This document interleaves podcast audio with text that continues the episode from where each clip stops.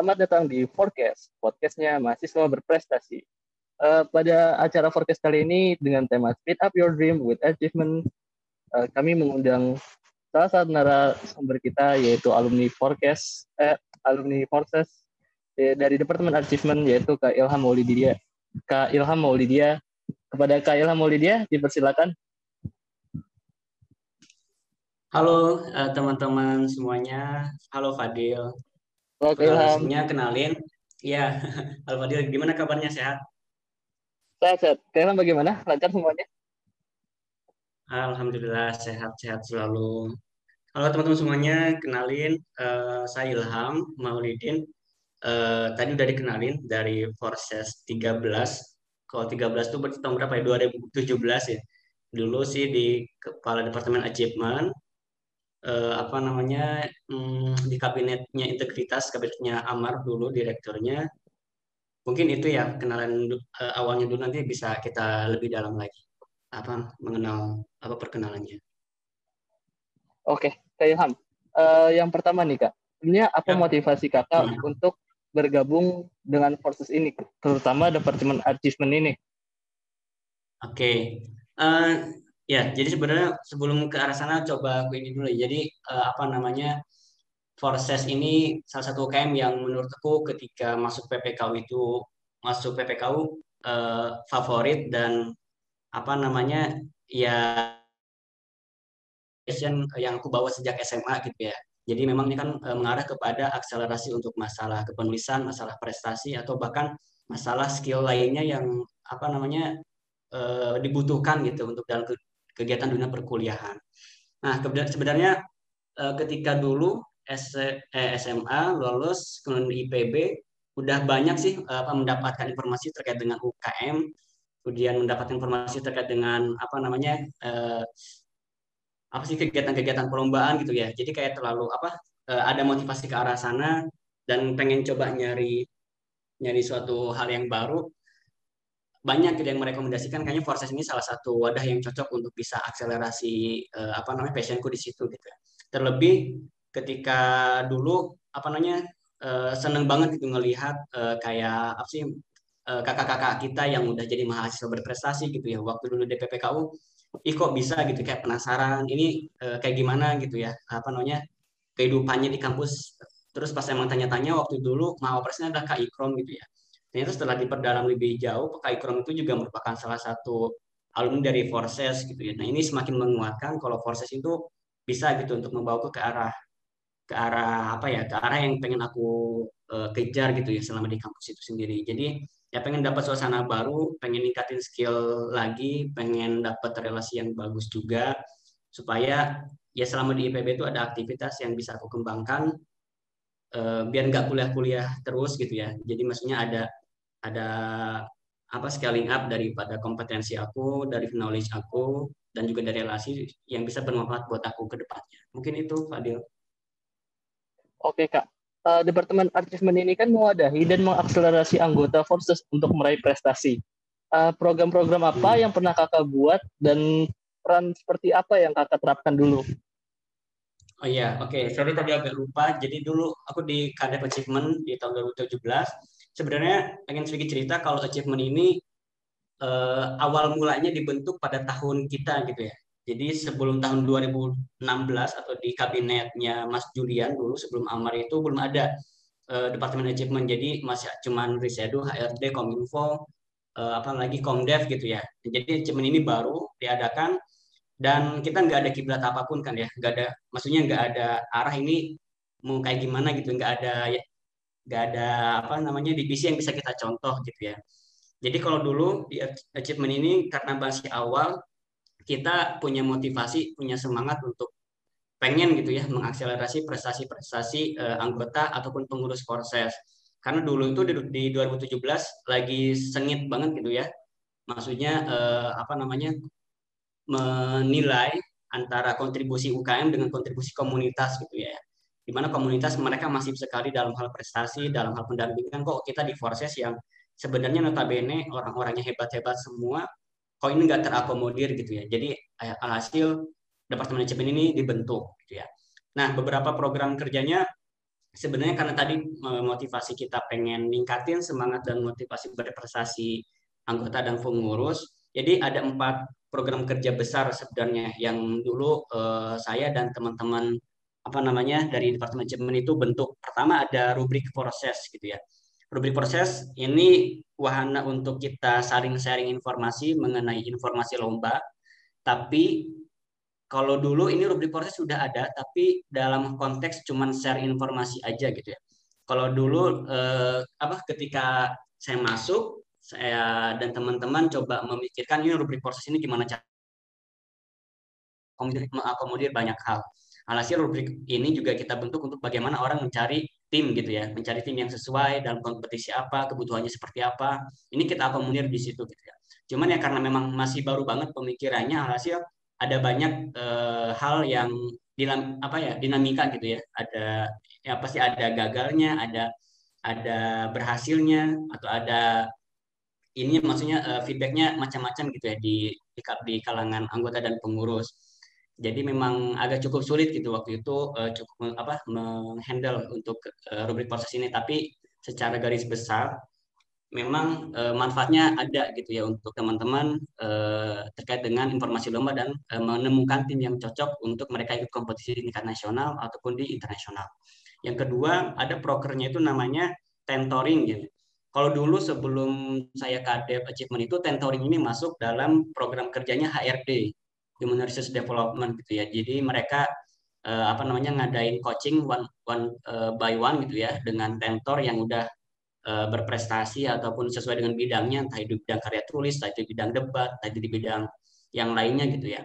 Nah, kalau di tahunku tentoring ini kita tarik ke departemen prestasi atau departemen achievement ya, supaya itu tadi bisa mengakselerasi ataupun e, bisa saling, saling diskusi gitu ya secara tatap muka langsung dengan tentor yang udah berpengalaman baik itu di kompetisi nasional ataupun di internasional gitu ya. Yang ketiga ada namanya Scientific Model Competition gitu ya. Jadi SMC. Scientific Model Competition ini apa namanya sebenarnya kita apa targetkan untuk seluruh anggota dan pengurus sebelum mereka terjun ke, ke kompetisi yang sesungguhnya gitu ya. Jadi ini masih kompetisi internal di antara forces uh, untuk itu tadi apa namanya me, apa membuat mereka tuh bisa adaptasi dengan bagaimana sih lingkup eh, nasional itu kegiatan lombanya seperti apa. Jadi kita kasih gambaran. Dulu itu dilaksanakan dengan konsep modelnya itu lomba karya tulis ilmiah, ada presentasinya juga, sama ada tanya jawab dan seterusnya, supaya membiasakan mereka kalau sebelum ke nasional seperti itu gitu, kurang lebih gambarannya. Ini ini juga sangat bagus karena eh, apa namanya uh, belum ada gitu sampai sejauh itu untuk bisa mengakomodir mereka sebelum ke tingkat nasional itu diadakan dulu di tingkat uh, internal forces gitu supaya kita bisa mengevaluasi oh ternyata sejauh ini gitu ya kemampuannya. Dan itu tuh di luar ini ya di luar kalau dulu kan di sekolah forces itu ada penugasan sama presentasi ya kalau nggak salah.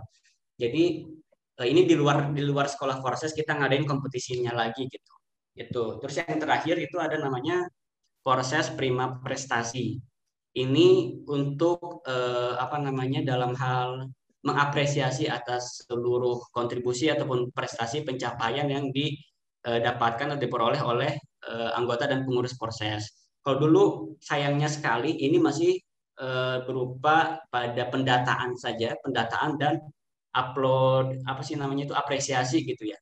Jadi eh, belum ada gebrakan-gebrakan lain proses penilaian prestasi yang dimaksud itu seperti apa gitu. Jadi baru sebatas pada pendataan siapa yang juara, siapa yang belum juara, kemudian yang juara kita publish di Instagram dan juga di WhatsApp ataupun di Line gitu ya supaya itu jadi motivasi buat semuanya untuk meningkatkan uh, skill ataupun semangatnya dalam mengikuti kegiatan kompetisi di tingkat nasional. Mungkin itu empat garis besar program kerja yang dulu kita dari Departemen Manajemen itu lakukan gitu ya. Oke, ketika kita membahas soal program kerja, Kak, kan kita menargetkan hmm. peserta kita yaitu orang-orang di dalam forces dan kita tahu orang-orang di dalam forces itu unik-unik gitu loh, Kak. punya kemampuan yang beda-beda, oh, punya minat yang beda-beda yeah. dan karakteristik yang beda-beda. Ada yang misalnya kayak Eki yang saintis banget, yang lomba ke mana-mana, ada juga hmm. yang nggak saintis sama sekali tapi masuk forces gitu loh. Nah, yeah. bagaimana cara kakak untuk program kerja ini bisa merangkul dan mengakselerasi semuanya kak? Oke, jadi uh, ini berkaitan dengan bagaimana tadi ya, karena karakteristik setiap individu yang tergabung di proses ini beda-beda, gimana caranya kita mengakomodir gitu ya. Pertama memang uh, apa ya, yang perlu dilakukan mungkin sebagai masukan juga untuk tahun ini ataupun untuk tahun berikutnya adalah kita perlu melakukan dulu riset gitu ya. Dalam arti riset untuk internal proses gitu ya. Jadi saran saya sebelum nanti ada pembentukan apa namanya staff kita tentukan kebutuhan-kebutuhan divisi itu ataupun kebutuhan program kerja itu berdasarkan riset yang sudah dilakukan. Intinya eh, ketika kan ada ada masanya ketika direktur terpilih, BPH ada, kemudian apa namanya kepala divisi sudah ditentukan. Nah, sebelum kepada staf-staf itu kita tentukan dulu, kita lakukan dulu riset gitu dari mereka itu sebenarnya seperti apa karakteristiknya bisa melalui survei apa pun, entah itu online ataupun offline ataupun media lainnya gitu ya yang membuat uh, survei ataupun riset itu menjadi uh, kuantitatif ataupun kualitatif gitu ya. Nah, jadi dari dasar itu itu akan sangat mudah nanti untuk memetakan kira-kira seperti apa caranya untuk kita bisa mengakomodir se, apa berbagai karakter karakter anak proses ketika ada karakter anak proses yang apa namanya misalnya uh, jago ngomong public speaking banget tapi di proses misalnya program kerjanya nggak mengakomodir itu kan sayang juga gitu ya padahal dia sebenarnya bagus gitu ya Terus kalau udah dilakukan riset itu, tadi pertama yang kedua adalah perlu untuk dikategorisasi dulu. Jadi tadi ketika public speaking suka debat atau bahasa bahasa ya, Inggrisnya bagus, berarti program kerja apa tuh yang cocok? Ini cocoknya di departemen apa atau di divisi apa gitu ya. Jadi itu e, caranya kalau kita pengen e, mengakomodir gitu ya, mengakomodir eh, karakter-karakter e, anggota dan pengurus proses yang beragam. Cuman kalau dulu memang agak cukup sulit gitu ya karena itu tidak dilakukan gitu ya. Jadi akhirnya eh, empat program kerja itu ada apa ya intinya bisa menyasar kepada orang yang apa bisa tepat sasaran. Ada juga yang sebenarnya manfaatnya kurang bisa kurang bisa dapat gitu dari program itu karena itu sangat wajar gitu ya. Karena emang kita nggak melakukan pendalaman dulu dari awal sehingga ya proker itu tuh hanya berdasarkan aspirasi internal bagaimana kita menyusun itu gitu ya. Tapi tidak didasarkan pada target user kita tuh adalah kan anggota dan pengurus. Nah, kira-kira seperti apa programnya itu belum bisa ke arah sana gitu ya. Intinya eh, memang sangat bagus kalau kita bisa mengakomodir semuanya, tapi juga kita perlu untuk mencari gitu ya eh, kira-kira prioritas prioritas program kerja apa. Pun memang ternyata pada akhirnya proker sudah terbentuk, karakter sangat beragam. Saya rasa perlu untuk rembuk gitu ya di antara pimpinan atau di apa depart, kepala departemen dengan direkturnya untuk bisa merumuskan gitu salah satu program uh, ataupun beberapa program baru dari masing-masing departemen supaya tadi bisa mengakomodir uh, jalannya uh, apa kegiatan-kegiatan di Forces gitu ya. Sekalipun kalau di awal belum kebentuk, kalau udah di tengah jalan udah ada staffnya, terus kita perlu ada penyesuaian itu juga nggak masalah sih menurutku. Karena itu juga salah satu cara untuk kita beradaptasi, menyesuaikan berdasarkan kebutuhan gitu. Jadi nggak nggak egois melulu harus melakukan ini padahal sebenarnya nggak diperlukan gitu. Jadi itu sih perlu untuk kita memahami betul-betul siapa target user kita, kemudian kita menempatkan posisi diri kita sebagai mereka, lalu apa yang mereka butuhkan itu yang itulah yang harus kita kejar dan kita eh, apa namanya kerjakan gitu ya. Mungkin itu Fadil. Nah, Kak, kan sekarang mahasiswa IPB ini lagi gencar-gencarnya menghadapi salah satu event besar yaitu Pekan Kreativitas Mahasiswa termasuk kakak yang tergabung hmm. dalam IPB 2021 Project Adikarta. Ya, nah ini kan hmm. salah satu uh, event yang digembar-gemborkan termasuk salah satunya dari Forces juga. Forces tuh ngadain kayak pembekalan seperti sekolah Forces, terus juga ada tentoring dan kebanyakan itu untuk mengincar yeah, yeah. Uh, piala PKM. Nah, tapi hmm. uh, eh, PKM Center IPB sendiri tuh juga ngadain kayak pendataan, persiapan PIMNAS dan lain sebagainya. Nah, bagaimana sih kakak cara mengorganisir hal-hal tersebut di Forces dibandingkan dengan yang di PKM IPB yang lebih banyak orangnya dan pesertanya? Oke, sebenarnya ini uh, menarik ya. Jadi ini uh, antara Forces dan uh, kerjaan saya saat sekarang gitu ya di program leadernya di PKM IPB.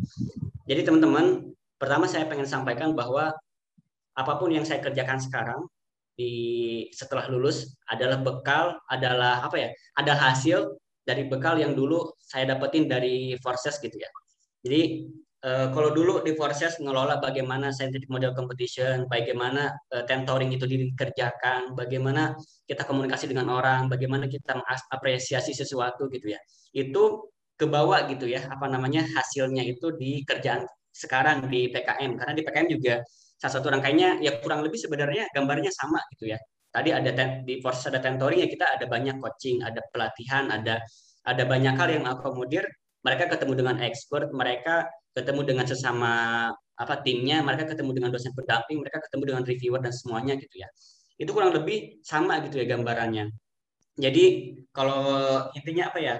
Kalau di yang sekarang itu memang sangat kompleks dan karena apa ya kita me, mengatur, mengorganisir kegiatan seluruh IPB gitu ya mengakomodir uh, banyak uh, apa aspirasi dari mahasiswa bagaimana karakter mereka dan seterusnya. Intinya kalau di proses apa namanya bisa mengorganisir itu tadi ya apa namanya kita perlu untuk me menyiapkan pertama dari segi sumber daya manusianya.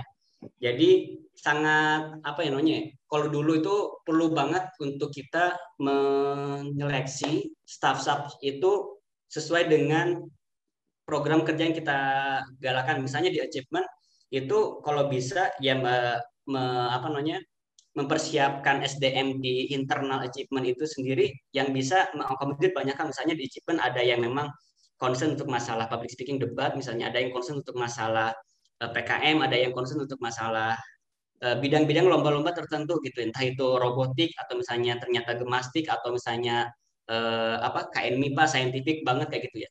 Jadi kalau udah ada kayak gitu, itu ketika terjun langsung ke dalam kompetisi yang real, orang staff yang kita tunjuk dia di departemen achievement, achievement itu sendiri dia bisa bisa membayangkan jalurnya itu kayak gimana gitu untuk kompetisi itu. Sehingga apa namanya pemikiran-pemikiran itu ada.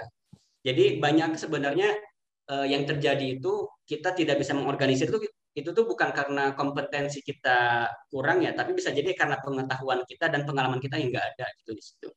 Jadi baiknya untuk seluruh departemen sebetulnya di Forces itu sendiri baiknya untuk kita kenali dulu apa namanya eh, terkait dengan SDM kita dan kita perlu petakan itu sebaik mungkin sesuai dengan target besar eh, Forces di tahun ini. Gitu. Kalau misalnya tahun ini pengen mengakselerasi banyak anggota dan seluruh Eh, pengurusnya yang kontribusi di PKM berarti seperti apa nih pengurusnya yang harus dibentuk gitu ya. Karena pengurus ini akan mengcreate program, pengurus ini yang bakal meng, apa namanya yang mengakomodir seluruh seluruh aktivitas-aktivitas di internal forces gitu ya. Anggota adalah mereka yang menerima itu semua gitu. Ya. Nah, ini yang perlu untuk di, diperhatikan dari SDM. Kemudian ini juga yang kedua adalah terkait dengan masalah e, relasi. Jadi kita nggak mungkin bisa melaksanakan suatu program besar tanpa adanya kontribusi ataupun bantuan dari uh, banyak pihak gitu ya. Jadi saya rasa perlu proses ini terbuka untuk uh, apa namanya bekerja sama ataupun berelasi dengan banyak stakeholder ya, baik secara horizontal misalnya ke sesama ke sesama UKM atau bahkan ke di luar UKM gitu ke mahasiswa uh, yang memang expert atau pengalaman gitu ya atau secara vertikal misalnya ke Ditmawa ke kita misalnya di PRPM eh, karena sekarang kan di PRPM yang memang apa namanya mengorganisir kegiatan-kegiatan sifatnya prestasi gitu ya. Sebenarnya ada banyak gitu ya kegiatan tidak hanya PKM yang kita galakan sekarang itu ada kurang lebih 20 lebih gitu ya, 20 lebih program kerja kayak apa gemastik, mawapres, PKM, KN MIPA, Satria Data dan seterusnya itu banyak banget yang kita pegang. Makanya eh, apa namanya ya sangat ini gitu ya. Jadi tapi semakin banyak semakin banyak program itu yang enggak terlalu apa enggak bukannya malah menekan tapi malah malah membuat motivasi itu eh, naik gitu ya untuk bisa mengorganisir itu semua dengan baik. Jadi itu tadi SDM harus dipetakan dengan baik. Terus kedua tadi terkait dengan apa namanya eh, kerjasama apa eh, kerjasama dengan berbagai pihak.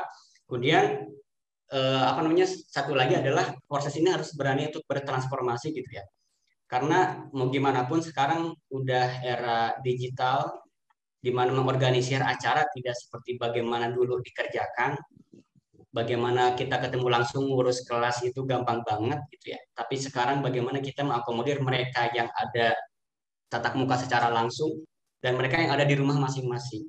Ini yang saya rasa uh, first perlu ke arah sana gitu memikirkan bagaimana uh, proses pembinaan-pembinaan itu bisa terorganisir tidak hanya kepada mereka yang hadir secara langsung tetapi juga bisa mengakomodir mereka yang saat ini berada di rumahnya masing-masing. Jadi kita perlu untuk adap adaptif gitu ya terhadap perkembangan yang ada. Mungkin itu uh, Fadil. Oke kak. Nah sekarang nih kan kita lagi ngadepin masa pandemi kak. Berasa banget perbedaan ketika kita ngumpul langsung atau ngumpul dengan online. Jangankan yang ekstrovert, saya pun yang introvert mulai kayak bosen di rumah aja dan kayak butuh banget untuk bersosial keluar. Nah rasa bosen ini tuh uh, kuat banget gitu loh kak. Bukan cuma ke mahasiswa, tetapi juga ke dosen-dosen. Banyak dosen yang bilang uh, mereka kangen ngajar langsung dan uh, lebih suka ngajar langsung dibanding ngajar online kayak gini. Nah, ini juga sesuatu yang dialami sama peserta sekolah Forces kak, salah satu program Departemen Achievement. Ada nggak uh, saran dari kakak gimana caranya supaya bikin sekolah Forces ini lebih menarik gitu, supaya ya anggota Forces nggak pada ngerasa bosan dan juga mungkin kakak punya saran untuk ngejaga mental health selama masa pandemi. Oke, okay. ya ini menarik banget uh, Fadil. Jadi uh, terkait dengan kondisi saat ini memang orang orang-orang organisasi atau siapa pun itu dituntut untuk dia bisa beradaptasi terhadap lingkungan ya. Maksudnya beradaptasi terhadap metode yang tidak biasa, yang biasanya tadi uh, saya sampaikan ketemu langsung, tapi sekarang bagaimana uh, apa pertemuan secara online itu juga bisa lebih efektif gitu ya. Jadi mungkin yang bisa saya sarankan adalah sekolah forces tidak dibentuk untuk memberikan kuliah. Jadi eh, apa namanya ya? Kalau dulu itu ada stigma kalau di sekolah proses itu apa namanya hanya sebagai sebuah pembekalan pengetahuan aja gitu secara tatap muka langsung tapi tidak ada tindak lanjut gitu ya. Jadi perlu untuk uh, sekolah proses ini sebenarnya supaya lebih efektif itu adalah disandingkan dengan mentoring. Gitu.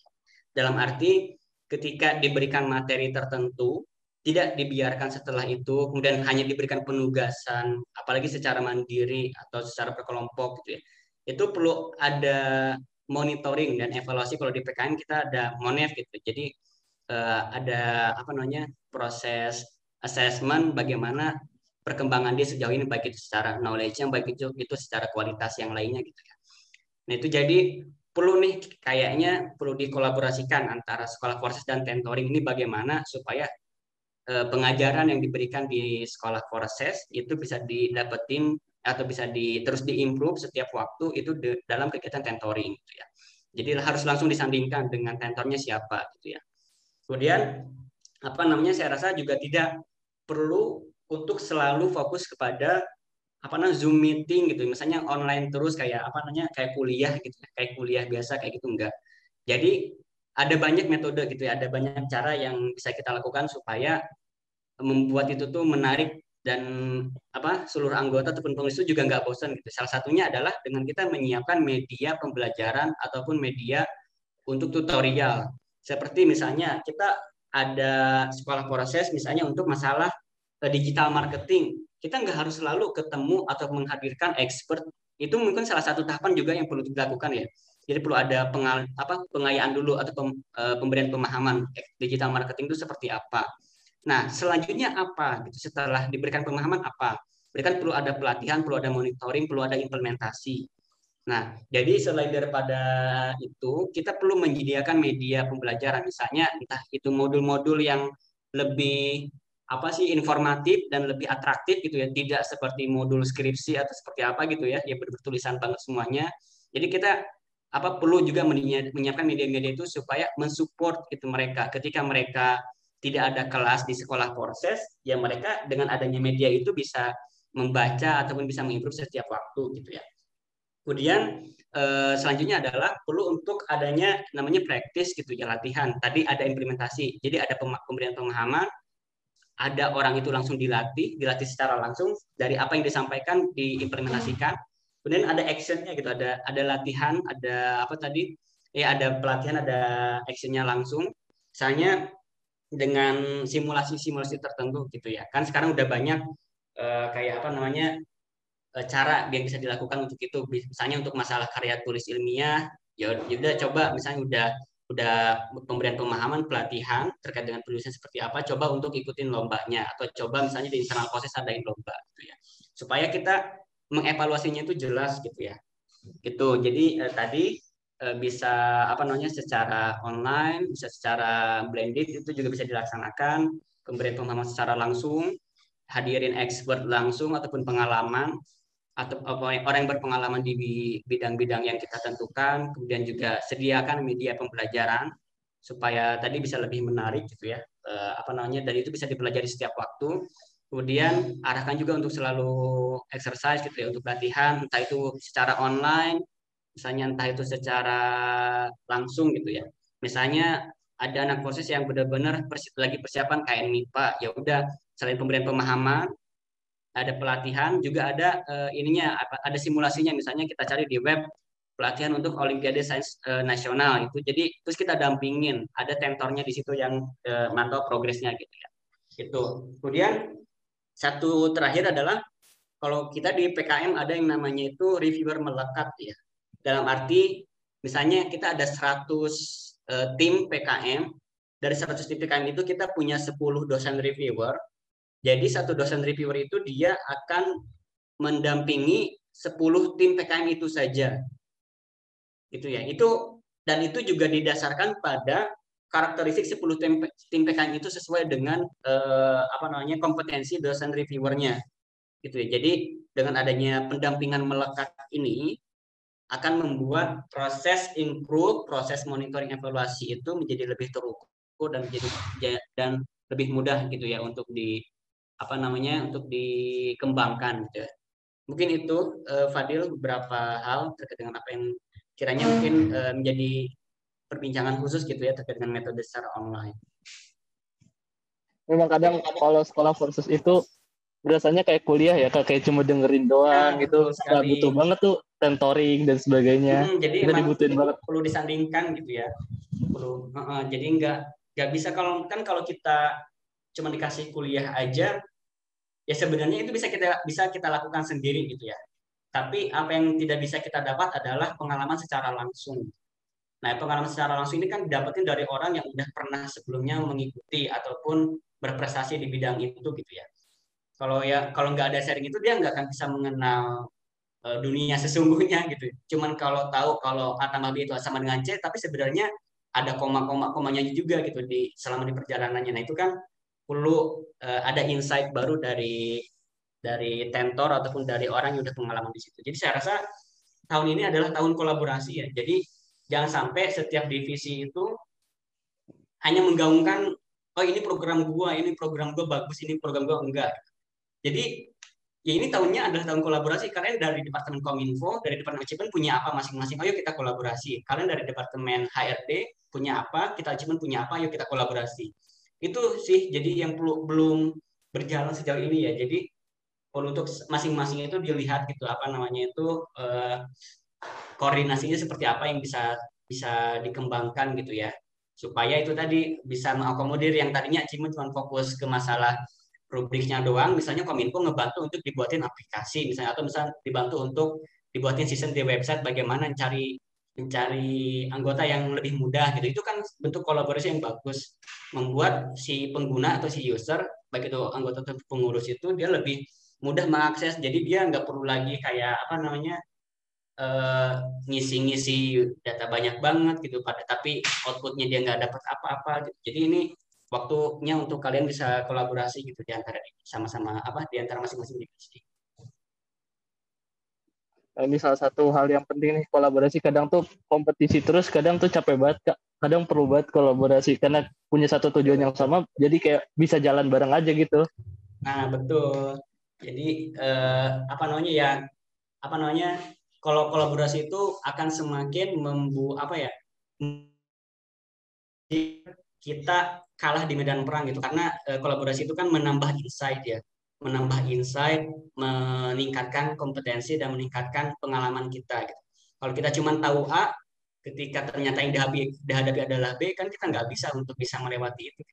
Justru dengan kita berpikiran terbuka, dengan kita punya apa, punya tujuan yang sama, ya harusnya kalau mau lewatin lewatin jembatan B, C, dan D, ya kita harus cari orang yang memang bisa memberikan insight kita di perihal itu gitu. Jadi memang kolaborasi itu adalah yang penting untuk bisa dilakukan sekarang.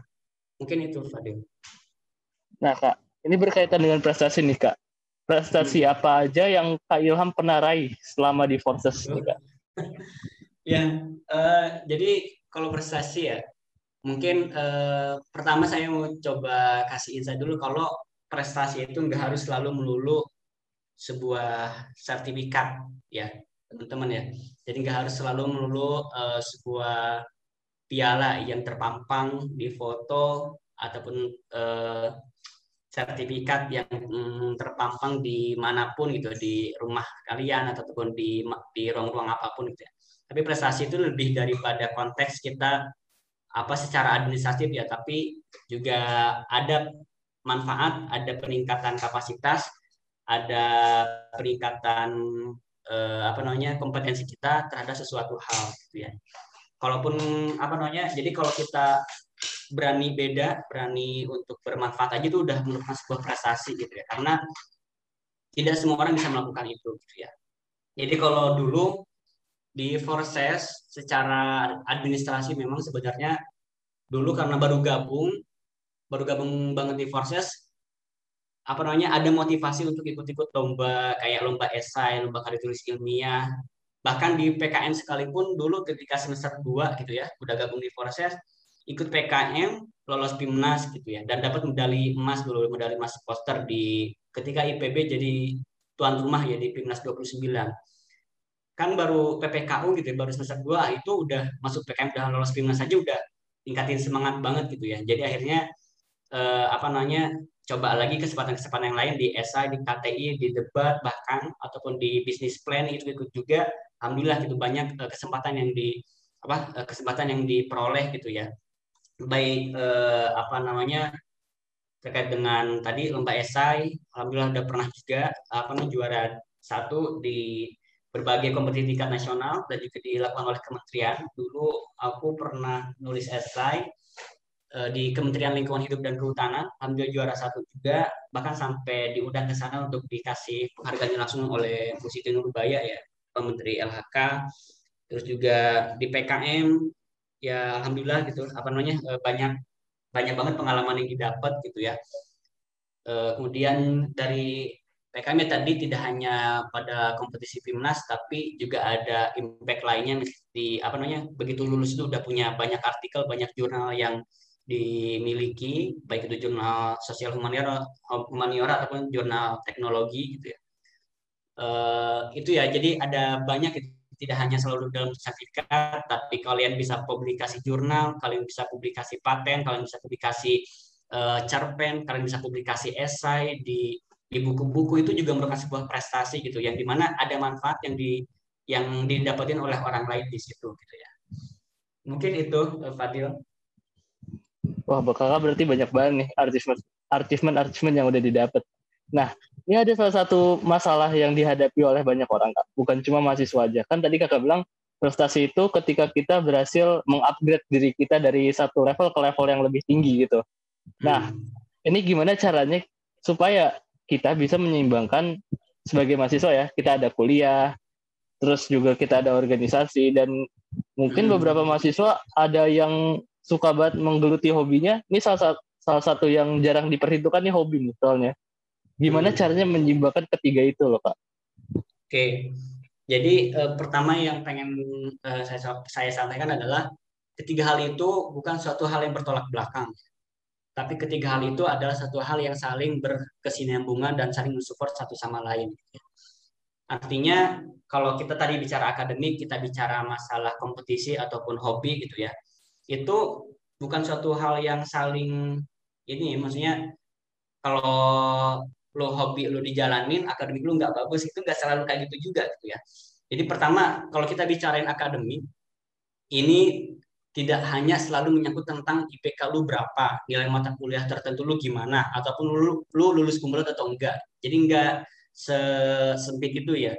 Kalau kita meng, apa ya jadi kita perlu untuk punya perspektif dulu nih masalah perspektif akademik itu apa namanya eh, tidak hanya tadi tidak hanya secara administrasi IPK lu berapa tapi apa namanya bisa spektrumnya bisa lebih luas gitu Jadi akademik itu bisa terkait dengan wawasan kita yang luas dan juga kita yang tanggung jawab terhadap sesuatu hal, pemikiran kita yang kritis dan solutif, ataupun kita menguasai bidang iptek tertentu yang spesifik sesuai dengan jurusan-jurusan kita. Jadi kalau dibilang IPK 4,0 belum tentu disebut sebagai akademisi kalau misalnya tidak ada penambahan wawasan yang yang didapat atau tidak ada tanggung jawab yang dimiliki, tidak ada pemikiran-pemikiran kritis ataupun solutif yang di, dihasilkan ataupun bahkan tidak menguasai bidang-bidang apa tidak menguasai bidang yang bahkan menjadi jurusannya sendiri gitu ya. Jadi ada banyak spektrum yang dianalisis gitu ya. Terus sebenarnya gimana sih kesinambungannya atau e, caranya atau ataupun e, keterkaitannya antara akademik dengan hal lainnya misalnya hobi ataupun PKM ataupun lomba ataupun yang lain. Jadi yang bisa saya sampaikan adalah hobi ataupun kegiatan kompetisi itu merupakan sebuah sarana untuk kita mengakselerasi prestasi akademik. Pernah pertama karena dalam konteks untuk kegiatan-kegiatan kompetisi lomba itu kita banyak mengaplikasikan multidisiplin ilmu gitu ya. Kita memikirkan kita dari jurus misalnya saya contohnya dari jurusan TIM coba untuk ikut kegiatan kompetisi karya tulis ilmiah energi misalnya atau kegiatan kompetisi ilmiahnya apa pengabdian masyarakat itu me, me, apa mengembangkan multidisiplin ilmu gitu ya. Jadi eh, apa namanya selain daripada kita eh, memperdalam apa yang menjadi spesifikasi eh, tugas kita ataupun eh, jurusan kita kita juga mendapatkan uh, insight ataupun spektrum uh, luas dari uh, konteks bidang yang lainnya. Jadi multidisiplin. Jadi ini salah satu cara untuk kita bisa mengakselerasi. Gitu ya. Yang kedua, keterkaitannya adalah sebenarnya ini sebagai apa ya? Jadi kompetisi, lomba ataupun uh, hobi itu adalah sarana untuk kita implementasi basic keilmuan gitu ya. Jadi kalau kita di akademisi sebagai orang dari jurusan apa dengan ikut kompetisi itu itu salah satu cara kita mengimplementasikan basic ilmu kita. Misalnya dari jurusan ITP tapi nggak pernah bikin pangan ya kayak gimana caranya gitu. Tapi nggak pernah tahu kayak gimana kayak gimana hektiknya kayak gimana organisirnya gitu ya.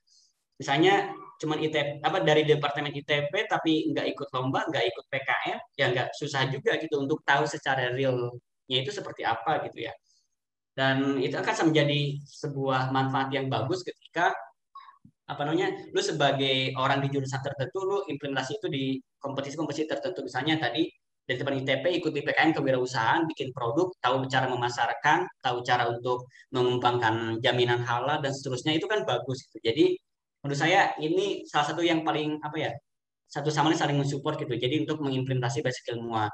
Kemudian menurut saya eh, yang ketiga adalah keterkaitannya antara akademik dan yang lain itu adalah ini salah satu cara untuk kita mengembangkan akal sehat gitu ya. Jadi kalau kita cuman di akademik aja, itu kuliah pulang kuliah pulang nggak ada aktivitas pengembangan yang lainnya, ya ini kita akan menjadi budak eh, kampus, kita akan menjadi inilah maksudnya tidak ada perkembangan lain yang kemudian menjadi apa namanya ya menjadi sebuah cara kita untuk mengatasi masalah yang di luar di luar akademik ataupun masalah yang tidak bisa kita temukan di bangku kuliah gitu ya. Jadi ini adalah salah satu cara itu kita mengembangkan akal sehat kita, mengembangkan nalar kita terhadap suatu suatu problem atau masalah tertentu gitu ya. Karena ketika dihadapkan pada sebuah persoalan, kalau kita hanya berperspektif, berperspektifkan akademik saja, yaitu tidak akan bisa selesai gitu karena tidak semudah teori yang diceramahkan karena ini butuh implementasi gitu ya. Kemudian yang terakhir keterkaitannya ya ini adalah mengembangkan skill set kita ya yang komprehensif. Yang tadinya di akademik mungkin bagus belum tentu dia dari segi public speaking bagus gitu ya. Karena itu tadi karena tidak disinambungkan karena tidak di eh, apa namanya tidak di dilatih gitu ya. Cuman kayak fokus akademik ngerjain tugas UTS eh, UAS udah selesai gitu tapi nggak ikut organisasi, nggak ikut UKM ataupun nggak ikut kompetisi, ya susah gitu. Di mana caranya kita dapat public speaking? Karena jarang juga di kelas kalau apa namanya, maksudnya eh, preferensinya di kelas itu untuk latihan-latihan skill tertentu itu tuh sangat jarang. Gitu. Ya. Apakah ada di kelas yang langsung kayak langsung latihan public speaking sampai berapa kali langsung latihan apa eh, pembuatan presentasi, langsung latihan untuk administrasi, latihan untuk apa namanya kayak desain-desain tertentu gitu. Itu kan jarang ditemukan di kuliah gitu ya. Jadi eh, apa namanya saya rasa ini suatu hal yang perlu kita pahami bersama perspektifnya bahwa di antara akademik dan yang lainnya itu tidak saling berkontradiktif, tetapi ini saling mensupport untuk mencapai tujuan keduanya ini tercapai gitu ya. Itu sih, Fadil.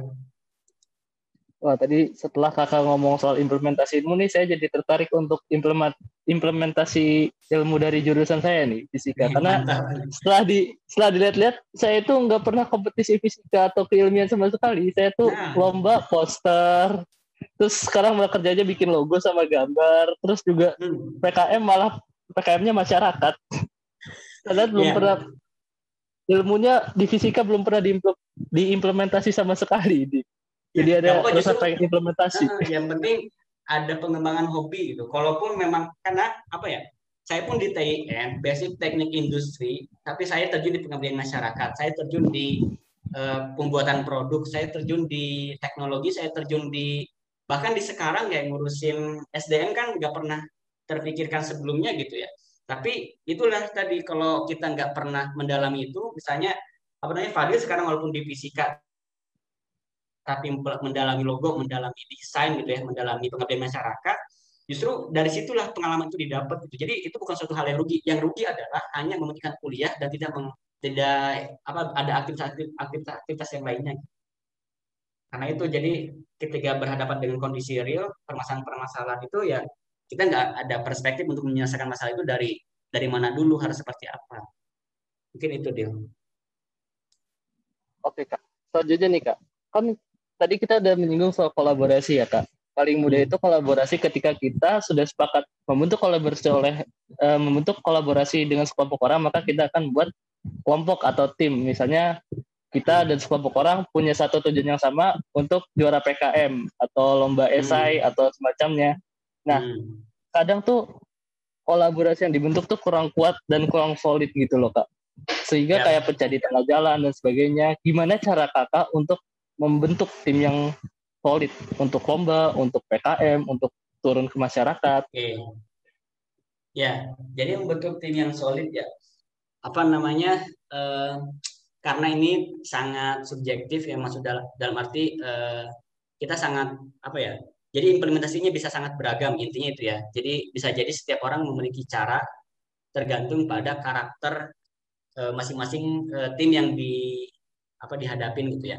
Mungkin uh, tipsnya untuk bagaimana kita membuat tim kita solid adalah pertama apa namanya kita harus bisa membawa suasana yang tidak monoton dalam setiap pertemuan ataupun diskusi ya. Jadi dulu itu bosen banget gitu kalau ngerjain proposal PKM itu di apa namanya di GFM lagi di GFM lagi itu nggak ada tempat yang lain apa atau misalnya di LSI lagi di LSI lagi gitu ya jadi harus bawa suasana baru. Kalaupun masih di tempat yang sama, dulu misalnya kalau aku sebagai ketua, ya sambil gitu, apa namanya, eh, bawa makanan kah, kita nyambil makan atau yang lainnya, yang membuat ya suasana itu nggak terlalu nggak terlalu membosankan untuk eh, sebagian besar orang gitu ya, sebagian besar anggota kita. Jadi kita harus bisa harus bisa beda lah, harus ada suatu improvement gitu ketika ketemu itu harus apa yang apa yang baru gitu ya. Kalau itu itu kalau ketemu langsung gitu ya. Kalaupun nanti ternyata ketemu secara online nah ini kan kita nggak bisa untuk suat apa namanya kayak tadi ya nyambil eh, apa namanya ngasih makanan ke teman-teman. Nah ya udah rapat rapatnya ataupun diskusinya nggak usah terlalu nggak usah terlalu apa namanya yang nggak usah terlalu serius juga. Misalnya sambil makan kah atau sambil uh, apa gitu ya itu ya silahkan gitu yang membuat uh, kondisi setiap anggota di antara tim itu lebih nyaman gitu ya. Kemudian untuk apa namanya e, bisa kita bisa solid itu adalah kita bisa membuat sebuah kesepakatan di awal gitu ya. Jadi kadang e, ketidak apa kesalahpahaman ataupun kita ngerjain proposal, kalau kita ngerjain esai, itu setiap minggu kita harus ada informasi nih perkembangannya seperti apa. Nah, cuman nggak cuman kayak gitu aja, tapi informasi itu itu tuh ditaruh di mana, kayak gimana kita melaporkan, seperti apa kita harus kerjakan. Jadi memang peran penting ketua di sini gitu ya. Jadi untuk bisa kalau kita memposisikan diri kita sebagai ketua, kita perlu untuk bisa memikirkan lebih jauh daripada apa yang mereka pikirkan. Kalau mereka cuma mikirin mikirin ini ngerjainnya gimana, kan harus mikirin bagaimana mereka bisa mengerjakan itu dengan baik, bagaimana eh, apa namanya target itu bisa tercapai dengan maksimal dengan waktu yang ada, bagaimana media media itu bisa kita siapkan dengan baik gitu. Jadi harus kalau orang lain mikir satu ya kalian harus mikir tiga, empat, lima, enam dan seterusnya gitu ya. Supaya membuat eh, apa namanya proses itu menjadi lebih enak, jadi lebih eh, apa namanya ya terorganisir gitu ya. Kemudian yang selanjutnya adalah solid itu bisa dibentuk dari kedekatan ataupun pengenalan kita terhadap anggota gitu ya. Jadi e, diusahakan kalaupun lomba esai, karya ilmiah ataupun lomba PKM ataupun lomba yang lainnya gitu ya, itu akan sangat mudah bagi soal orang bagi sebuah tim itu memiliki tim yang solid ketika keanggotaannya itu memang orang yang dikenali gitu ya. Tapi dalam arti Eh, kenal tapi apa namanya kompetensinya sesuai dengan proyek yang dikerjakan gitu ya jadi misalnya walaupun satu jurusan tapi ternyata kompetensinya ataupun hobinya itu beragam ataupun bahkan angkatannya beragam itu akan sangat sangat bagus membuat uh, kita solid tapi yang penting itu tadi kita kenal uh, dia kita kenal mereka gitu. karena akan lebih mudah gitu kalau seperti itu gitu ya karena kalau kita dihadapkan pada orang yang baru, kemudian dalam sebuah tim yang baru dalam sebuah proyek, itu rasanya akan butuh waktu panjang. Bukan tidak bisa ya, bukan tidak bisa kita berkembang, tapi butuh waktu yang panjang untuk kita bisa mengenal dia, untuk bisa kita mengenal bagaimana ketika dia eh, apa namanya merasa sesuatu, kita harus seperti apa itu kan kita perlu mengenal dulu seperti apa gitu ya. Dan itu akan membuat membuat lama gitu untuk bisa kita sampai ke level solid gitu. Jadi dari awal harus sudah dipertimbangkan pemilihan anggota ataupun ketua ataupun siapa pun yang terlibat dalam sebuah tim itu tuh yang memang kita kenal ataupun yang apa namanya kita percayai gitu ya itu sih dan uh, apa namanya tadi uh, sudah ada kesepakatan juga harus ada komitmen gitu ya kesepakatan itu uh, apa namanya suatu suatu perjanjian yang disepakati oleh bersama gitu ya. Kalau komitmen ya kan lebih kepada apa namanya terkait dengan motivasinya terkait dengan apa namanya suatu apa namanya uh, motivasi untuk kita bisa menye, uh, membawa apa mencapai kepada target yang di, uh, disepakati dari awal gitu jadi harus ada komitmen harus ada motivasi untuk menyelesaikan uh, target itu gitu dalam sebuah tim mungkin itu uh, Fadil seandainya nih kak kakak hmm. bertemu dengan sebuah kondisi di mana kakak harus memilih dua orang untuk masuk ke dalam tim kakak. Katakanlah satu A, dia ini orang yang udah kakak kenal dekat, hmm. udah temenan baik lah, dan dia punya keterampilan yang kakak butuhin, tapi dia tuh cuma sekedar bisa gitu loh kak. Mungkin malah baru bisa gitu loh. Dan sementara ada orang B, ini kakak tuh nggak terlalu dekat sama hmm. dia. Oke, sip. Uh, jadi uh, ketika dihadapkan pada uh, malah mungkin baru, tapi dia tuh hmm. bisa Halo Dil? Ya, silakan Kak.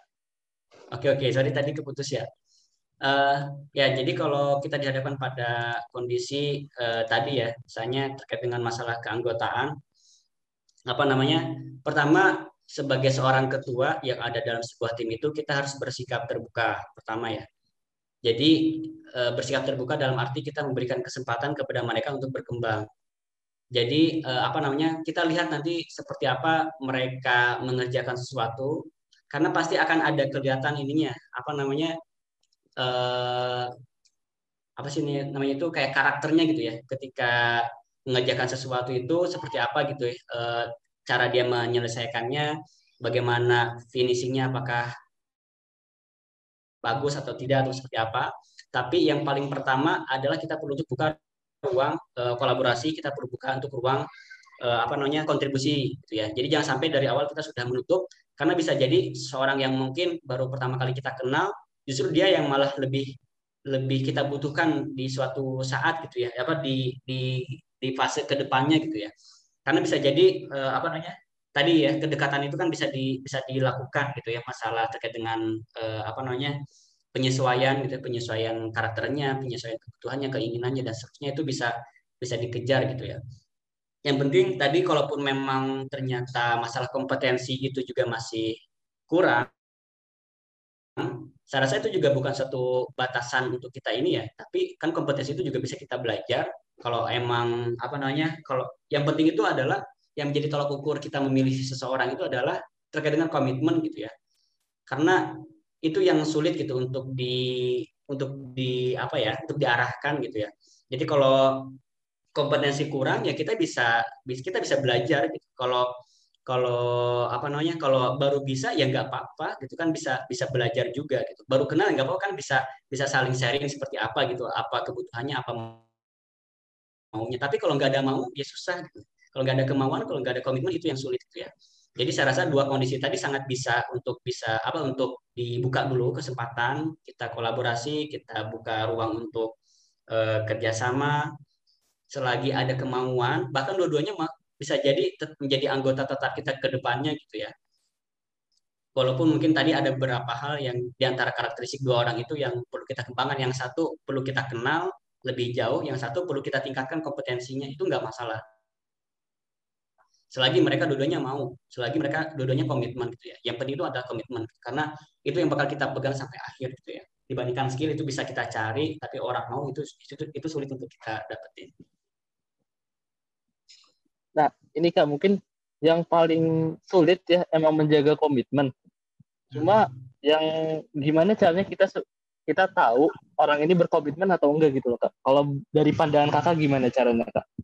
Oke, uh, terkait dengan komitmen ini juga sebenarnya ini uh, sangat personality dan sangat subjektif setiap individu dan kita nggak ada apa namanya ya nggak ada sebuah metode yang uh, exactly itu benar-benar bisa mengukur dia itu komitmennya tinggi atau enggak gitu ya. Tapi pertama uh, apa namanya komitmen itu bisa diukur dari apa namanya uh, dari kebiasaan dia mengerjakan sesuatu gitu ya. Kalau kita kenal kalau kita kenal dia, kita pasti pernah punya pengalaman dia melihat dia itu seperti apa. Misalnya uh, di Forces kita mengenal si A, mengenal si A ya. Uh, apa namanya? Kita mengenal si itu ketika mengerjakan sesuatu seperti apa, ketika dia deadline, ketika dia sulit dihubungi atau ketika dia uh, dalam kondisi tertentu kita mengetahui dia seperti apa gitu ya. Jadi komitmen itu diukur berdasarkan pengalaman. Pertama ya, kalau orang yang kita kenal itu bisa diukur dari pengalaman pengalamannya gitu. Ya. Terus yang kedua, komitmen kalau kita mengukur pada orang yang baru kita kenal ini seperti apa gitu ya. Jadi kalau kita mengukur uh, komitmen bar, apa orang yang baru kita kenal itu perlu untuk kita apa namanya itu bukan apa ya mungkin semacam sebuah formalitas gitu ya formalitas terkait dengan uh, kesibukan dia saat ini seperti apa gitu ya karena kesibukan itu yang menggoyahkan komitmen gitu ya. Jadi eh, entah itu kesibukan akademik ataupun kesibukan non akademik gitu ya. Jadi eh, apa namanya kalau ukur kalau orang yang baru kita kenal kita perlu tahu dulu kesibukan dia seperti apa supaya apa namanya ya tidak ada sebuah reason yang apa namanya yang membuat dia tuh ngelak terhadap sebuah komitmen yang udah di awal terbentuk. Yang terakhir ya pasti eh, apa namanya menguji komitmennya adalah ya udah menyodorkan sebuah surat pernyataan gitu ya. Pada akhirnya itu langkah terakhir yang bisa dilakukan. Kalaupun dengan formalitas dengan dia langsung tanda tangan di situ aja juga masih banyak hal yang tanggung jawabnya tercecer ataupun misalnya eh, apa hal-hal lainnya tidak dikerjakan dengan baik, ya berarti dia bukan orang yang berkomitmen. Gitu. Jadi itu sih. Jadi tiga hal tadi bisa aja diterapin ke orang yang sudah dikenal, ataupun yang belum dikenal sebelumnya itu bisa dikolaborasiin gitu. Jadi kalau sama yang dikenal tadi bisa dari pengalaman kita melihat dia itu bagaimana mengerjakan sesuatu. Misalnya Amar nih nunjuk aku sebagai kepala departemen achievement itu apa namanya bagaimana dia mengukur mengukur apa namanya komitmenku gitu. Jadi bisa dari kegiatan kompetisi-kompetisi yang pernah aku ikutin bagaimana apa ngerjain tugas bahkan bisa jadi Amar punya pandangan aku ketika ngerjain tugas di itu seperti ini seperti ini ini seperti ini kemudian itu ada pertimbangan eh, kayaknya cocok gitu ya jadi pengalaman itu tidak hanya dari organisasi kalian melihat dia sebagai anak proses seperti apa tapi bisa jadi kalau satu departemen kita bahkan bisa melihat lebih detail kalau dia itu ngerjain tugas seperti apa. Jadi bisa kita lihat komitmennya di situ gitu ya. Apakah dia ngerjain tugas itu cuma kayak numpang nama doang atau numpang nim doang atau numpang tanda tangan doang gitu. Itu bisa kita lihat dari pengalaman itu gitu ya. Kemudian yang kedua tadi bisa dari kesibukan.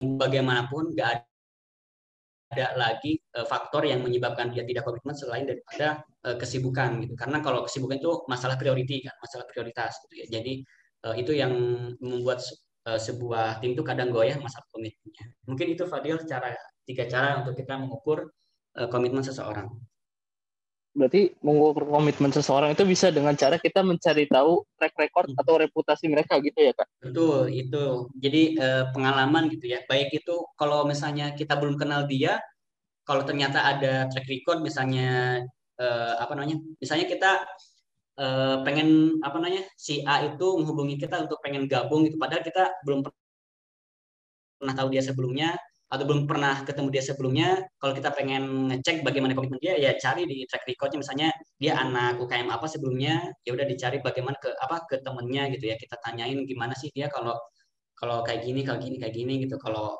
bahkan bagus, lebih bagus lagi kalau misalnya ternyata ada track record prestasinya oh, bagus banget, oh berarti dia komitmen terhadap pekerjaannya gitu, komitmen terhadap uh, impiannya.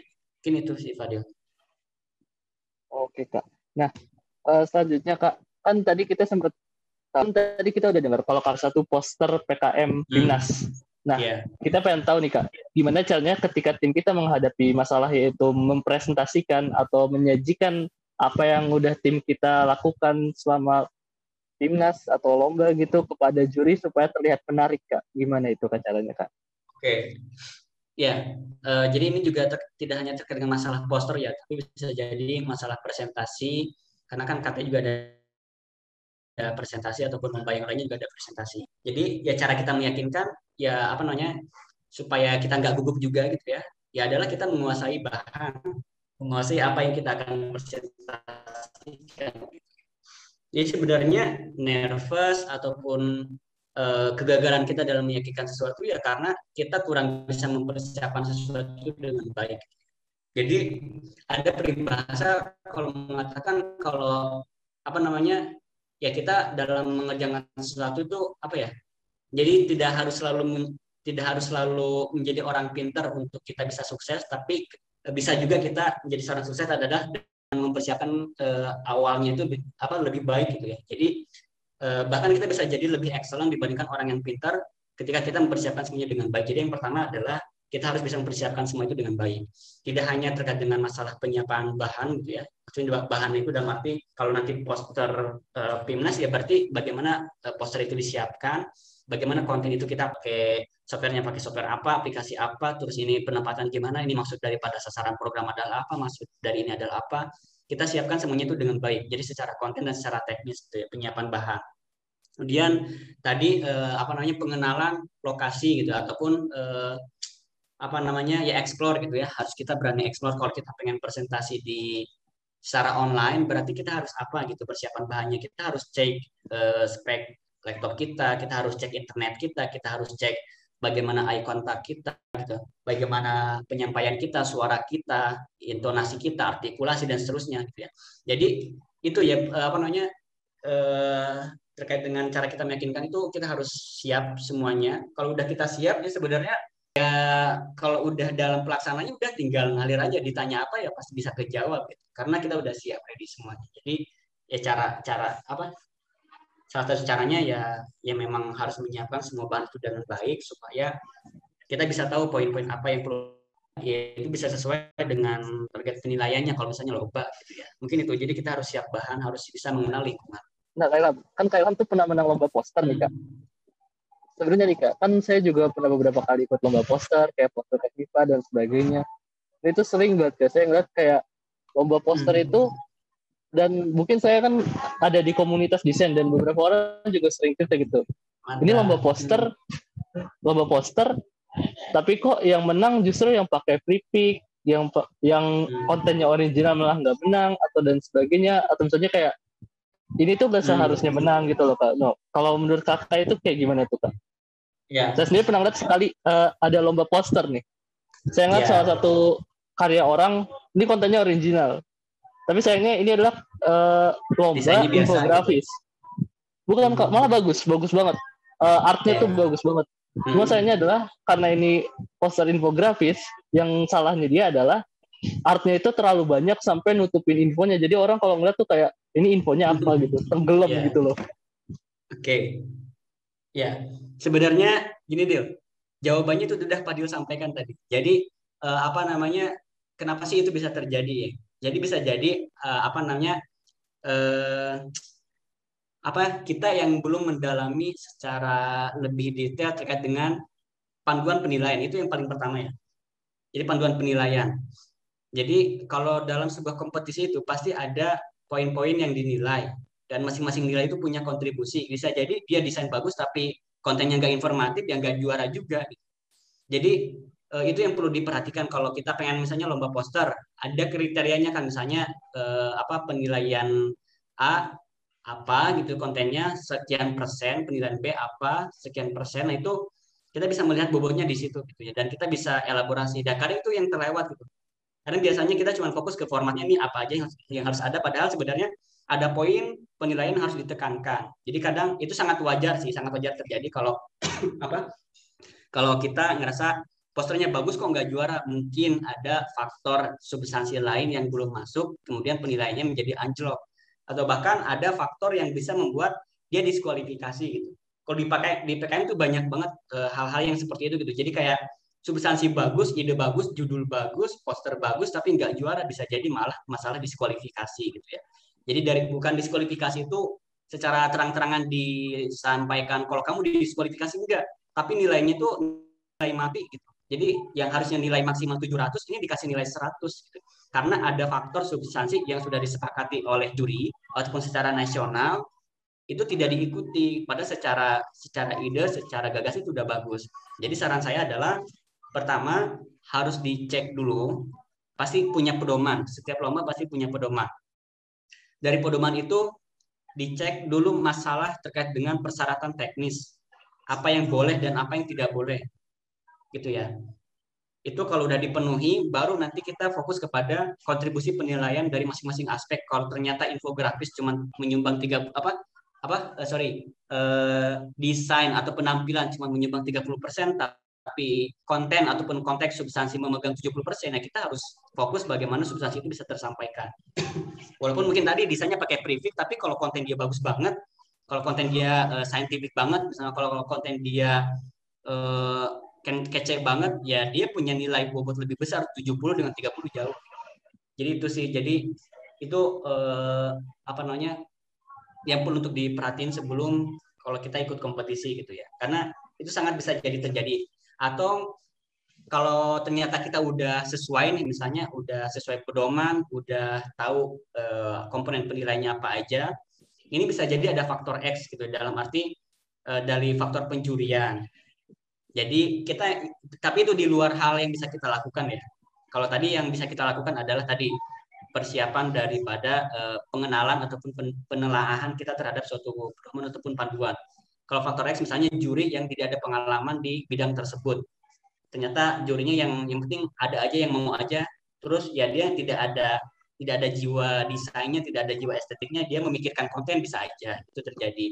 Yang kedua bahkan bisa bisa jadi sebaliknya dia cuma mikirin konten nggak mikirin desain ada juga gitu, kayak gitu itu kan sangat sangat subjektif gitu jadi ada kemungkinan juga gitu e, kalau itu tuh dari faktor eksternal lainnya gitu ya. E, apa namanya terkait dengan e, penilaiannya gitu. Baik dari jurinya ataupun secara teknis pesertanya. Kayak gitu sih. E, deal apa namanya e, pengalamanku sih sebelumnya terkait dengan e, apa namanya lomba-lomba kayak gitu. Ini faktor X dalam lomba poster nih salah satunya itu adalah selera juri. Biasanya tuh kadang selera tentuin itu. Iya. Nah, jadi ada seleranya beda-beda atau bahkan memang nggak ada pengalaman tapi ditunjuk jadi juri gitu ya. Nah itu juga hal yang bahaya gitu karena ya dia nggak ada pengalaman mengenal itu tapi dia hanya berperspektif pada apa cuman konten doang tapi desainnya nggak dinilai kan itu juga salah satu akan menyebalkan juga gitu ya. Padahal udah dipikirin desainnya harus bagus, ada kontribusi tapi jurinya nggak ada jiwa desain cuma mikirin konten ya anjlok juga gitu nilainya jadi itu bisa jadi terjadi bisa aja gitu bisa terjadi. Nah Mungkin dari itu. yang kita dengar nih kak kan kakak hmm. sedang mau melanjutkan kuliah ke luar negeri yaitu Hokkaido University bisa kakak hmm. jelasin gitu nggak kak gimana caranya kakak bisa ke Hokkaido ke Hokkaido University dan apa aja yang kakak harus siapin untuk ke luar negeri Wah, oke. Okay. Uh, eh, ini sebenarnya bisa jadi episode khusus ya karena uh, uh, kalau nyeritain semuanya dari awal uh, sangat sangat panjang gitu. Jadi saya coba highlight aja. Jadi ya pertama ya mohon doanya gitu ya, dari semuanya semoga tahun ini bisa berangkat karena masih tertahan untuk uh, semuanya ke Jepang itu sekarang masih dibatasi. Jadi belum ada yang bisa belum bisa ke sana gitu ya. Belum bisa apa ya belum bisa kuliah bahkan yang ada di Jepang aja itu kuliahnya masih online semua gitu. Nah ini khawatir-khawatirnya telat gitu. Tapi alhamdulillahnya untuk beasiswa dan kampus udah clear gitu ya, udah tinggal ngurusin masalah berangkat. Jadi kalau untuk persiapan tuh banyak banget ya. Mungkin kalau bisa uh, highlight itu ada tiga. Pertama adalah masalah niat dulu ya. Niat kalau sekolah itu apa nah mau ngapain? Kalau sekolah itu apa motivasinya? Sekolah di mana aja sebenarnya sama gitu ya. Mau di luar negeri mau di dalam negeri itu sama aja. Cuman di luar negeri ada ada plus lainnya yang mungkin nggak bisa di nggak bisa didapetin dengan kita lingkup di nasional. Misalnya kita punya global perspektif untuk masalah riset, apalagi di Jepang yang yang uh, konteks untuk risetnya itu sangat kuat gitu, teknologinya sangat kuat, disiplinnya sangat kuat, dan itu kita bawa ke Indonesia itu akan sangat bagus banget gitu ya. Kemudian uh, apa namanya tadi selain daripada niat, jadi kita perlu luruskan dulu karena dari niat itu akan muncul jalur-jalur, akan muncul jalan-jalan kebaikan gitu. Kalau niat kita baik pasti akan banyak jalan kebaikan yang terbuka. Kalau niat kita salah, ya pasti ada banyak cobaan-cobaan yang membuat kemudian eh, pada apa impian kita itu tidak akan bisa tercapai gitu ya. Jadi niatnya harus dibenerin dulu. Yang kedua, siapkan modalitas. Modalitas. Jadi modalitas itu bisa jadi secara material ataupun non material gitu ya. Cara material ya pasti kita perlu nyiapin uang dalam arti kenapa kok uang pertama karena ngurusin yang lain itu juga pakai uang gitu ya. kayak ngurusin apalagi ke luar negeri gitu ya. Yang tapi ini harus ngumpulin sertifikat IELTS ataupun TOEFL IBT dan seterusnya. Itu kan sekali tesnya aja lumayan 2,9 juta. Kalau sekali gagal udah lapor segitu 3 juta gitu ya. Itu kan perlu uang perlu juga apa namanya ya pengorbanan waktu lah tenaga dan seterusnya itu perlu disiapin banget. Kemudian eh, secara non materinya pasti tadi eh, apa namanya terkait dengan kompetensi kita untuk mendalami sesuatu bidang itu perlu disiapin juga karena apalagi kalau di ke Jepang ya benar-benar riset gitu. Jadi benar-benar perlu untuk kita perlu kita siapin benar-benar. Jangan sampai kemudian ketika kita ke Jepang malah keteteran dan kita nggak bisa berkembang di sana malah, malah tertekan gitu ya untuk bisa mengenal lingkungan di sana. Jadi itu uh, kedua gitu ya. Kemudian yang seterusnya adalah kita perlu untuk merencanakan gitu ya. Merencanakan dan uh, latihan. Jadi merencanakan itu kalau udah kita punya modal, misalnya udah ijazah udah ada, ya itulah uh, apa modal yang basic-basic itu kita perlu siapin, perlu requirementnya perlu kita uh, apa namanya ya perlu kita susun gitu ya, perlu kita rapihin. Kemudian setelah itu clear, baru kita buat perencanaan ini kita mau ke mana. Misalnya kalau mau dalam negeri ya udah, berarti kan ada ada banyak persyaratan yang bisa disesuaikan. Sertifikat TOEFL mungkin nggak perlu atau mungkin perlu tapi e, nilainya gak tinggi-tinggi banget gitu ya. Atau misalnya ada penyusuan-penyusuan lainnya. Jadi kalau udah kalau udah direncanakan nanti bisa kita melakukan penyusuan-penyesuaian gitu sih. Kemudian e, apalah namanya e, kuliah ke luar negeri ataupun dalam negeri kalau bisa sih saranku adalah harus sebisa mungkin dapat beasiswa ya. Walaupun nanti dalam negeri misalnya walaupun kak kok apa aku di dalam negeri aja mungkin nggak apa biayanya nggak gede banget ya. Kalau dihitung dua tahun kalian kuliah juga itu udah berapa gitu ya. Apalagi kalau udah lulus lulus S1 saya rasa udah banyak orang yang mulai bisa hidup mandiri gitu. Baik itu mungkin udah nikah lah atau mungkin dia udah punya kerjaan sendiri atau bahkan ya intinya udah lepas udah sebagian besar sih kuliah kalau udah lulus S1 itu lepas dari keluarga gitu. Maksudnya lepas dari tanggungan orang tua. Karena udah bisa ada suatu hal yang mungkin dia bisa lakukan gitu ya bayangkan kalau itu harus dibayarkan oleh oleh diri kita sendiri gitu. Jadi kan cukup mahal banget. Mending itu kita mending kita pakai buat modal yang lain gitu. jadi sebagus mungkin sebisa mungkin kita cari beasiswa. Termasuk kalau di Hokkaido juga daftar sebenarnya udah banyak banget. Jadi masuk tahun ini Hokkaido itu aku udah nyiapin dari tahun 2019 teman-teman ya. Jadi dari 2019 daftar banyak beasiswa ke depak lagi ke depak lagi gagal terus gagal terus gitu ya akhirnya di kesempatan terakhir eh, lagi kondisi pandemi kayak gini gitu ya daftar beasiswa Max dan Impact alhamdulillah keduanya lolos tapi yang diambil adalah uh, apa namanya uh, beasiswa impact gitu ya. Jadi itu dari beasiswa itu uh, ya kita bisa kuliah dengan tenang, bahkan kita pulang bisa nabung, ya bahkan bisa bisa eksplorasi banyak hal. Ya. Dibandingkan kita kuliah masih mikirin ini biaya kuliahnya dari mana, biaya makan kita dari mana, biaya kita kita dari mana itu kan sangat mengganggu sekali gitu ya untuk kita bisa berkembang di kegiatan kuliah nanti. Jadi saranku adalah cari beasiswa. Mungkin itu Fadil. Oke kak, nih terakhir nih kak, ada pesan gak kak untuk audiens-audiens kita kak? Uh, ya, sebenarnya oke. Okay. Mungkin pesan sebenarnya ya aku nggak ada kapasitas untuk itulah. Mungkin uh, berdasarkan pada uh, pengalamanku ya. Jadi mungkin pesan pertama untuk keluarga Forces ya. Pertama untuk keluarga Forces pesannya adalah untuk selalu membuka diri, bisa berpikiran terbuka, bisa bermindset untuk berkembang gitu ya, berkembang bersama dan kolaborasi. Jadi hilangkan stigma egois, hilangkan stigma apa namanya stigma-stigma buruk yang ada di lingkungan internal kalian. Kalau proses itu eksklusif cuman kayak buat proses saja, kalian buktikan kalau proses juga bisa memberikan manfaat untuk yang lainnya.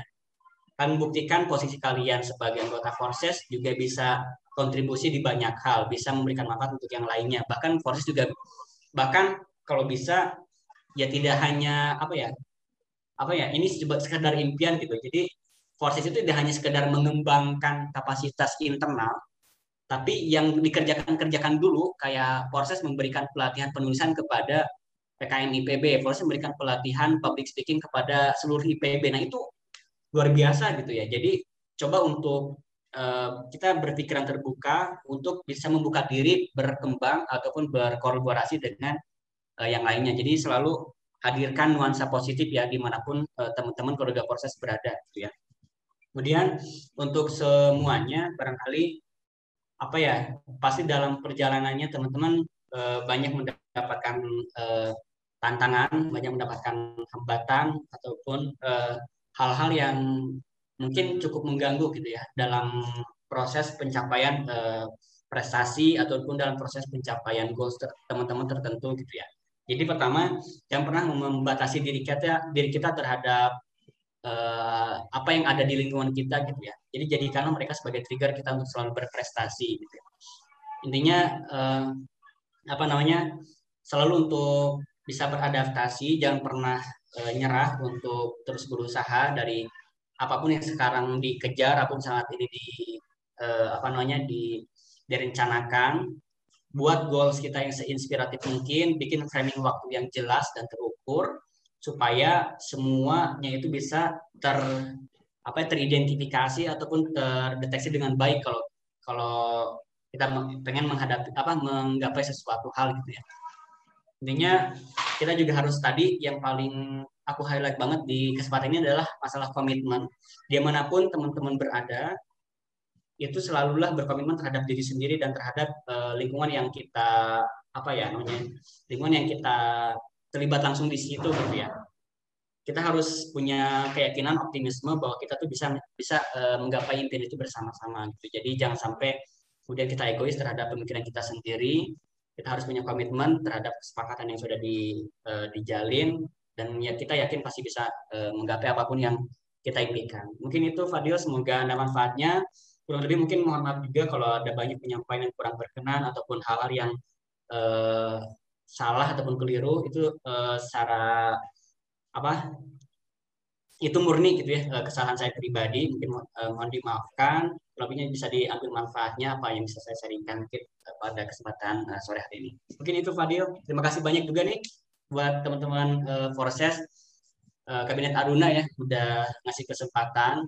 Saya rasa ini momen yang sangat bagus ataupun kegiatan yang sangat bagus untuk bisa sharing banyak hal kepada teman-teman yang lainnya ataupun bisa ya apa namanya mengembangkan gitu ya kapasitas kita ke depannya. Saya rasa ini perlu untuk dilanjutkan. Silakan teman-teman uh, apa namanya bereksplorasi ataupun berkreasi se apa sebaik mungkin berkolaborasi sebaik mungkin dengan semuanya. Mungkin itu ya. Salam untuk untuk semua keluarga Fortes. Terima kasih. Oke, terima kasih banyak Kak Ilham. Ini udah nyempetin waktunya untuk datang ke podcast ini. Ini terima kasih juga nih kita udah banyak banget dapat pelajaran dan pesan juga dari pengalaman-pengalaman Kak Ilham. Terima kasih banyak banget nih. Terima kasih juga buat audiens-audiens yang udah sampai akhir dengerin